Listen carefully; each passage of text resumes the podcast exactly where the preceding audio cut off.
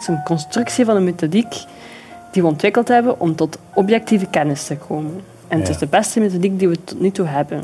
Is ze perfect? Nee. Ze is onderhevig aan fouten ja, en aan menselijke fouten. Ja. Dus als je ze dan wilt voorstellen als een soort machine die uh, waarheden produceert, waar nooit fouten kunnen insluipen en, en, enzovoort, ja, dan, dat klopt gewoon niet. Ik had dat wel cool gevonden. Ja, hè? Nog, nog cooler als dat dat gewoon een machine was. Hè? Dat je daar gewoon zo je vraag, een vraag met een briefje in de machine steekt en dat het eruit rolt. Ja, ja. Je gaat zo meteen luisteren naar het gesprek dat ik heb gevoerd met Marian Doom. Marian is opgeleid als dierenarts, eh, maar is vandaag directeur van het GUM, het Gens Universitair Museum, dat onlangs geopend is, dan weer gesloten, dan weer geopend. Um, wat vond jij van het gesprek, Tom? Heel cool. Echt heel cool. Superlatieven. Nee, echt, ja. Zo, eh, het gaat zo vaak, als het met, met wetenschappers gaat vaak over zo, dat er te veel specialisatie is, dat iedereen te veel in zijn vakje zit. Zo. Ja. En dat er te weinig generalisten zijn. Mm En door uh, de positie die ze nu voor zichzelf gecreëerd heeft, heeft Marianne zowel hij heeft een wetenschappelijk museum van de wetenschap. Dus iemand die, die echt wel op een hoger niveau naar heel de wetenschap kan kijken en daar ook heel intelligente dingen over te zeggen heeft. Ja, van diep naar breed en van diep naar breed en van diep naar breed. Ja, en ook leuk om na dan een aantal specialisten hier gehad te hebben, met zo iemand te kunnen praten over de wetenschap in het algemeen mhm. en het nut. En, ja, het is ook heel fijn dat ze in, in het hele gesprek zo heel hard binnen naar binnen haar expertise blijft of zo. En, en dat ze, als, als er een vraag komt waar ze niet per se het antwoord op weet, of, of vindt dat ze niet de expertise heeft om erop te antwoorden. Of zo. Ja, ja, ja, ja. dat ze eerlijk is daarover. Ja, ja. Ja, ja, dat is zeldzaam. Iemand die zo ook de tijd neemt om na te denken, echt. Mhm. Ja, echt schoon. Maar je hebt zelf iets landen gestudeerd, toch? Twee jaar, hè? gestudeerd, ja. een poging tot introductie. Ja. ja. Hoe was dat? Ik las dat je heel ambetant werd in de klas. ja. ja. ik heb echt conflict gehad met die leerkracht. Ja, die vond dat echt niet tof. waarom zat je daar? Ik wou dat verstaan. Ik wou, even verstaan ja. ik, wou, ik wou de verhalen ook wel leren kennen. Want mm. dat heb ik helemaal niet meegekregen. Ik geef ze ook niet meer aan mijn kinderen. Soms voel ik me daar ook wel schuldig over. Er zijn ook wel gewoon heel mooie verhalen. Mm in de Bijbel, in de Koran. Ja. Dus ik wou daar wel mee kennis maken. Um, ik wou wel verstaan hoe breed interpreteerbaar dat het dan was. Of dat ik misschien ook wel voelen van, sta ik daar dan misschien open voor of zo. Maar ja, nee, ik herinner mij een fragment dat hij aan het uitleggen was over... Uh, het was een zaadje, en ik ga het waarschijnlijk verkeerd vertellen. Hè. Dus iedereen die wel een op achtergrond heeft en die zo...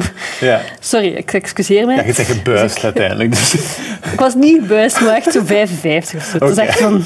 Die wou mij ook niet terugzien, denk ik. Ja. dat was eigenlijk ook het ding. Goed. Um, zo een zaadje in, uh, in klei dat er gemalen werd, dat daaruit dan ook de eerste vrouw of zo ontstaan was. Zoiets, zoiets, een passage in de Koran.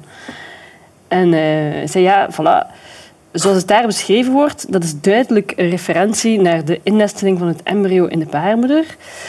En uh, Mohammed kon dat helemaal nog niet weten, want er was helemaal nog geen notie van hoe dat de bevruchting in elkaar zat. Dus het kan niet anders dan Allah dat hem ingefluisterd heeft. Dus dat kan alleen maar een vertaling van het woord van God geweest zijn. Wacht. ja. Dus ik probeerde dus... Ja, maar... Het is niet zo. ja, dat, dat was zo'n soort bewijsvoering voor hem.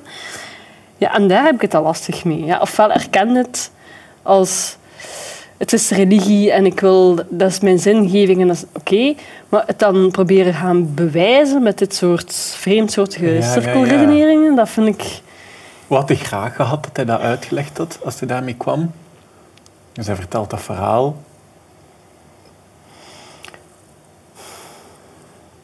Het is echt van, het is een mooie metafoor of zo. Ja, zoiets. Ja maar niet, het is een bewijs. Dat soort zoeken van, van bewijsvoering, dat leunt wel heel sterk aan mij wat creationisten doen. En dan... Ja. Ja, nee. Voor mij is dat, religie, wetenschap, dat zijn dingen die, die perfect naast elkaar kunnen staan. En ik kan ook perfect verstaan dat mensen ehm, dat als twee pistes gebruiken waarmee dat ze hun leven invullen. Mhm. Maar dan de twee proberen mixen, ja, nee. Dat versta ik niet. Dus, er is ook geen nood toe of zo, vind ik. Ja. Het grappig, want we hebben hier zo de voorbije tijd wat gesprekken gehad met, met zowel religieuze figuren als met wetenschappers. En dat, zo, dat wij zo vooral botsen op, amai, er is zo wel wat gelijke trends of zo in die twee werelden. Dus bijvoorbeeld de twijfel, de, de religieuze figuren die we hebben gehad, en zowel de wetenschappelijke figuren, dat zoiets van ja, meer twijfel. Kijk niet naar ons voor de waarheid, want die bestaat niet, of, of we gaan die nooit vinden. Of, dus ook van het religieuze hoek, dat ze dat zeiden, dat zijn de, die staan gelijk dichter bij elkaar dan, of heb ik meer gemeen of zo, maar ik snap ook wel dat je zegt, van, moet, er moet wel ergens een hygiënische grens zijn of zo. Mhm. Ja, het is toch een soort scheiding van machten of zo. Ja. ja. Het heeft een andere opzet, allebei. Ja. Ik zoek geen zingeving in wetenschap, hè. Nee? Nee. Nee, dat is mijn, dat is mijn manier waarop ik bepaalde informatie verwerk. Hè. Um, ja. Als je op de radio hoort... Um, België is het tweede slechtste land, of ik weet dat niet meer, het slechtste land. Mm dan uh, denk ik onmiddellijk, oef, wat, tweede slechtste. Slechtste in wat? Relatief tegenover wat? Wat is er gemeten? Hoe hebben ze dat gemeten? Dus dat soort ja. Um, mechanismen zit wel in mij. Dus dat soort informatie begin ik direct op, aan een soort kwalitatieve check van een wetenschapper te onderwerpen. Mhm. En dat gebruik ik daarvoor. Maar ik zoek daar geen zingeving om. Er zijn andere vragen die naar mij komen, die, die dan misschien meer... Um, emotioneel of in mijn omgeving zitten, die, die ik niet wetenschappelijk verwerk. Hè, ja, kun, kun ik daar zingeving in vinden in de wetenschap, denkt u? Of hebben jullie dat geprobeerd om... Nee. Ja, nee, ik vind het echt een rare vraag. Ik wist dat dat een absurd idee was om te doen. Ja, nee, ik vind het echt een rare vraag. Dat verdient dat gewoon niet, denk ik. Ah, ik weet ja...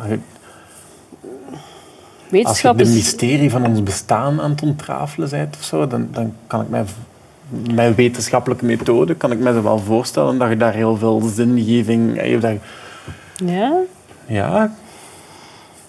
Nee, dat, dat beantwoordt aan een soort zoektocht en honger naar kennis en inzicht enzovoort, maar daarom nog geen zingeving. Dus toch, geeft dat voor u een zingeving om te verstaan, ja, te verstaan waarom we hier zijn, en, maar dat vind je toch niet door wetenschap. Het waarom dat we hier zijn en hoe dat... Je kunt dingen maar ik dacht wel dat dat de ehm. bedoeling was van jullie. van jullie? Ja. Van alles te begrijpen. Ja. Wel ja, want te weten waarom dat wij... We hebben eerst Thomas Hertog gehad, die met Stephen Hawking werkte. En we zitten daar wel tegenaan te schurken. Ik denk dat het eerder een, een um, zoektocht is naar het hoe, maar het waarom... Ja, dat is toch een helemaal, was toch van een helemaal andere orde, of zo, denk ik. Ja het hoe is ook proberen verstaan hoe dat je er soms kunt op ingrijpen, te goede en te kwade, want je kunt het ook altijd misbruiken. Ja. hoe, hoe word ik ziek?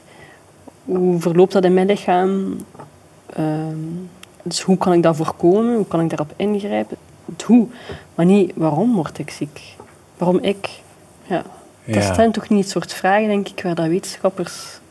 Nou ja, ik denk, als, als je dat aan de wetenschap, als ik denk, ik vraag dat aan de wetenschap, dan is het zeggen, ja, dit een één in zoveel kans dat. Of je zijn waarschijnlijk iemand tegenkomen die, of erfelijk bla, of, zo, of een combinatie van.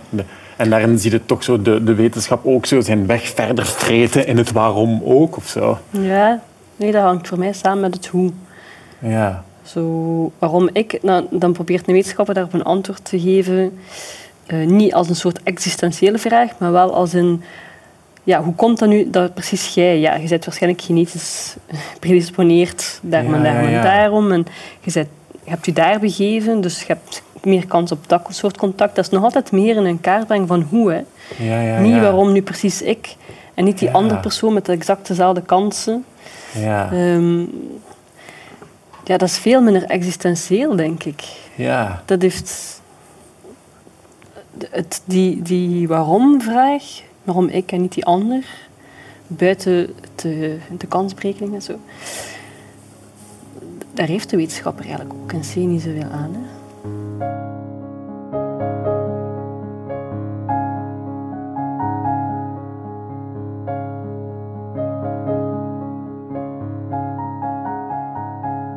Snapte jij dus de spraakverwarring tussen zo wat het brede publiek en de wetenschappelijke wereld? Ja, absoluut. Hoe, hoe, hoe leesde jij die? Of hoe, hoe denkte jij dat dat... Hoe is het zo ver gekomen tussen ons? What went wrong? Verschillende dingen, denk ik. Eén, ehm, denk ik dat we niet mogen ehm, ja, vergeten hoeveel kennis dat ondertussen opgebouwd is. Dat is en, en dat er een extreme disciplinering uh, aan de gang is. Dat wil zeggen dat experten elkaar al bijna niet meer verstaan soms. Mhm. er, zijn, er zijn congressen waar dat er bij wijze van spreken nog, nog drie man in de wereld naartoe kan komen omdat ze elkaar nog verstaan. Ja, dan loopt er wel ergens iets mis. Je hebt, je hebt die kennisontwikkeling misschien wel nodig, maar als je dan hen dat laat uitleggen aan een publiek, ja, mhm. moeilijk hè. Dus dat is één ding, denk ik. Mhm. Ehm, maar dan heb ik het louter over het communiceren van het, van het eindresultaat. Zo, waar zijn we mee bezig? Maar dan komen we terug naar het hoe. Hoe komt het tot dat resultaat? Uitleggen hoe dat dus die wetenschappelijke methodiek en dat denkpatroon, hoe zit dat nu in elkaar? Ik denk niet, zover dat ik me herinner, ehm, dat ik in mijn opleiding dat ooit ergens... Een dierenarts gestudeerd. Ja. ja. Maar ik spreek zelfs over lager en secundair onderwijs. Heeft er tegen nu ooit iemand in de aardrijkskundeles gezegd... Jongens, wat we vandaag leren... We could be wrong, of zo. Nee, toch? dat was gewoon... Ja, inderdaad, die cursus, dat was een vaststaand feit. Ja, zoiets. Ja. Terwijl dat ook niet klopt. Hè. Kijk naar, naar um, de paradigma-shift waarin dat we uh, de continental drift... Ja. Ja, dat is van de jaren 50, 60 of zo, denk ik. Dus veel van die aardrijkskundeboeken nog niet eens zo lang geleden, hè, waren helemaal fout. Allee, dus zelfs in lager en secundair onderwijs onze notie meegeven hoe dat die methodiek nu in elkaar zit. Ja. Uh, gebeurt gewoon veel te weinig en nog altijd, vind ik. Daar moeten we op inzetten. Mm Als ik denk aan mijn arme aardrijkskunde-leerkracht, die had al niet bijster veel, ik weet niet, charisma en soort autoriteit of zo. Ja, ja. Niet superveel als hij dan zijn les moest beginnen met jongens, waar we het nu over gaan hebben, dat weten we niet zeker. Ik bedoel, iedereen zat zich al af te vragen waarom dat we daar zaten. Ja, ja. Het was niet beter geworden als hij daarmee zijn les was begonnen. En ik, ik, ik zeg het een beetje als een grap, maar ook als, als een voorbeeld van, van hoe dat mensen en wetenschap, of de brede publiek en wetenschap, zich misschien een beetje verhouden nu. De, de, wat onder vuur, toch een beetje, als het over klimaat gaat bijvoorbeeld al. Mm Van een klein groepje onder vuur. Als die wetenschap dan op dat moment ook nog eens gaat zeggen van... Ja,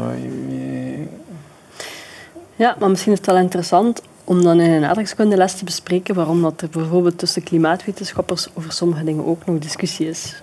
ja. Um, gaat dat het vertrouwen ondermijnen?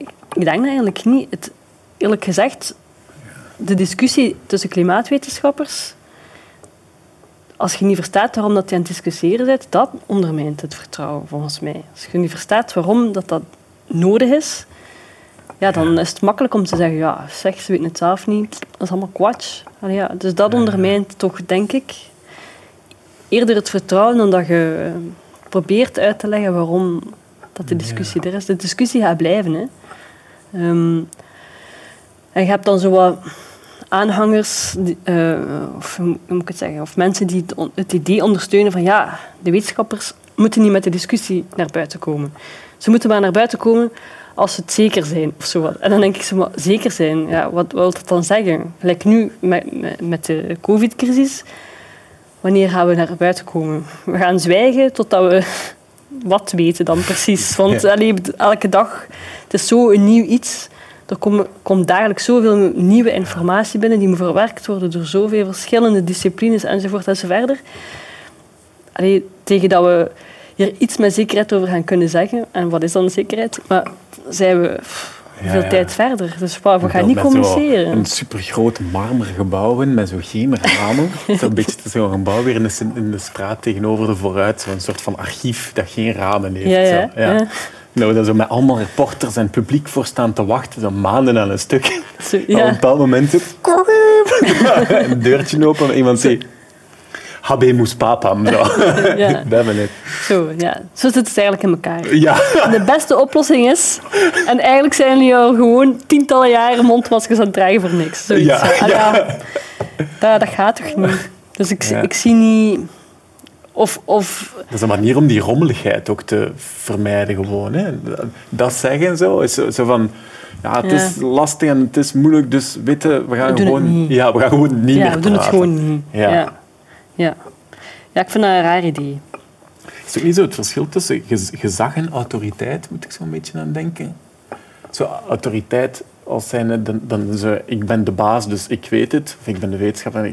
En gezag zo meer gezag steunt op het tonen van je twijfels en hoe je ertoe bent gekomen. En een andere manier is om, om aanzien te verwerven. Maar als je het zo voorstelt, dan is het alsof dat ehm, wetenschappers aan het werken zijn in de richting van zichzelf een soort beslissingsrecht toe te eigenen. Of zo. Als we het genoeg uitleg krijgen, dan krijgen we het mandaat om ook te beslissen. Zoiets? Ah, ja. Terwijl ik dat Nee, dat gevoel heb ik niet. Nee. Maar meer, ja, je hebt wel als, als wetenschap, als je, als je eh, invloed wilt hebben, of, of als je wilt dat er iets gedaan wordt met hetgeen wat jullie, of dat, dat het serieus genomen wordt, wat je dan vertelt, ja. heb je wel ergens iets van uh, ja, vertrouwen nodig. Of, of ja, gezag of autoriteit. Nee, maar dan komt terug bij die beslissing. Ergens, je, hebt wel, je hebt wel iets ja, want bij COVID nu ook. Je, wilt toch ook wel beslissen. Je wilt toch ook wel wegen op de beslissing? Wegen op de beslissing. Ja, ja, tuurlijk. Maar daar heb je gezag voor nodig. Want als je geen gezag hebt, dan weeg je ook niet op de beslissing. Nee, dat is waar. Dus zelf als je niet... Je moet niet achter Credibiliteit vind ik. Mijn, of credibiliteit, Vind ik een beter woord dan gezag. Gezag vind ik toch raar. Ja? Ja. Ja, dat werkt weer naar zoiets wat voor mij dan weer die verdeling van de machten is. Of zo. Ja. Ik vind een goede vergelijking eh, de relatie tussen een patiënt en een dokter. Die een dokter die aanhoort de patiënt, die doet alle onderzoeken, die verzamelt alle data. En die heeft misschien tien verschillende pistes, zowel naar wat dat de diagnose is als behandeling. Mm ja, die patiënt, in hoeverre die wil inspraak, uiteraard. Dus dat is een soort dialoog die in gang moet komen en waarin dat die een dokter moet aanvoelen van hoeverre zij er mee en begrijpt wat ik aan het zeggen ben. En of in hoeverre wil de beslissing bij mij eigenlijk laten. Want dat bestaat ook. Je hebt ook mensen die zoiets... Ik wil niet meedenken, ik wil dat hij vooral voor mij beslist. Ja. Of je hebt mensen die zeggen, ja nee, ik wil alles weten. Ja. Um, en op basis van wat je beslissingen neemt en wat je mij voorlegt. En ik wil helemaal mee in het proces ja.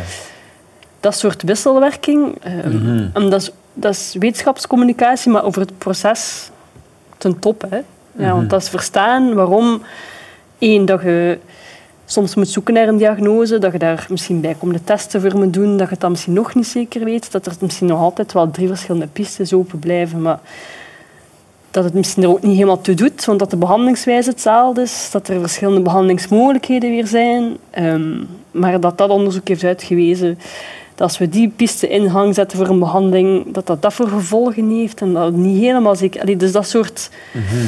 iemand meenemen, dus echt in hoe dan een wetenschapper, in, in dat geval die een arts, denkt. En dat soms voor wij leven bepalend kan zijn, letterlijk. Ja. ja, dat is pas de oefening in hoe beoefende wetenschap, of uh, hoe vertaalde wetenschap naar, naar een publiek.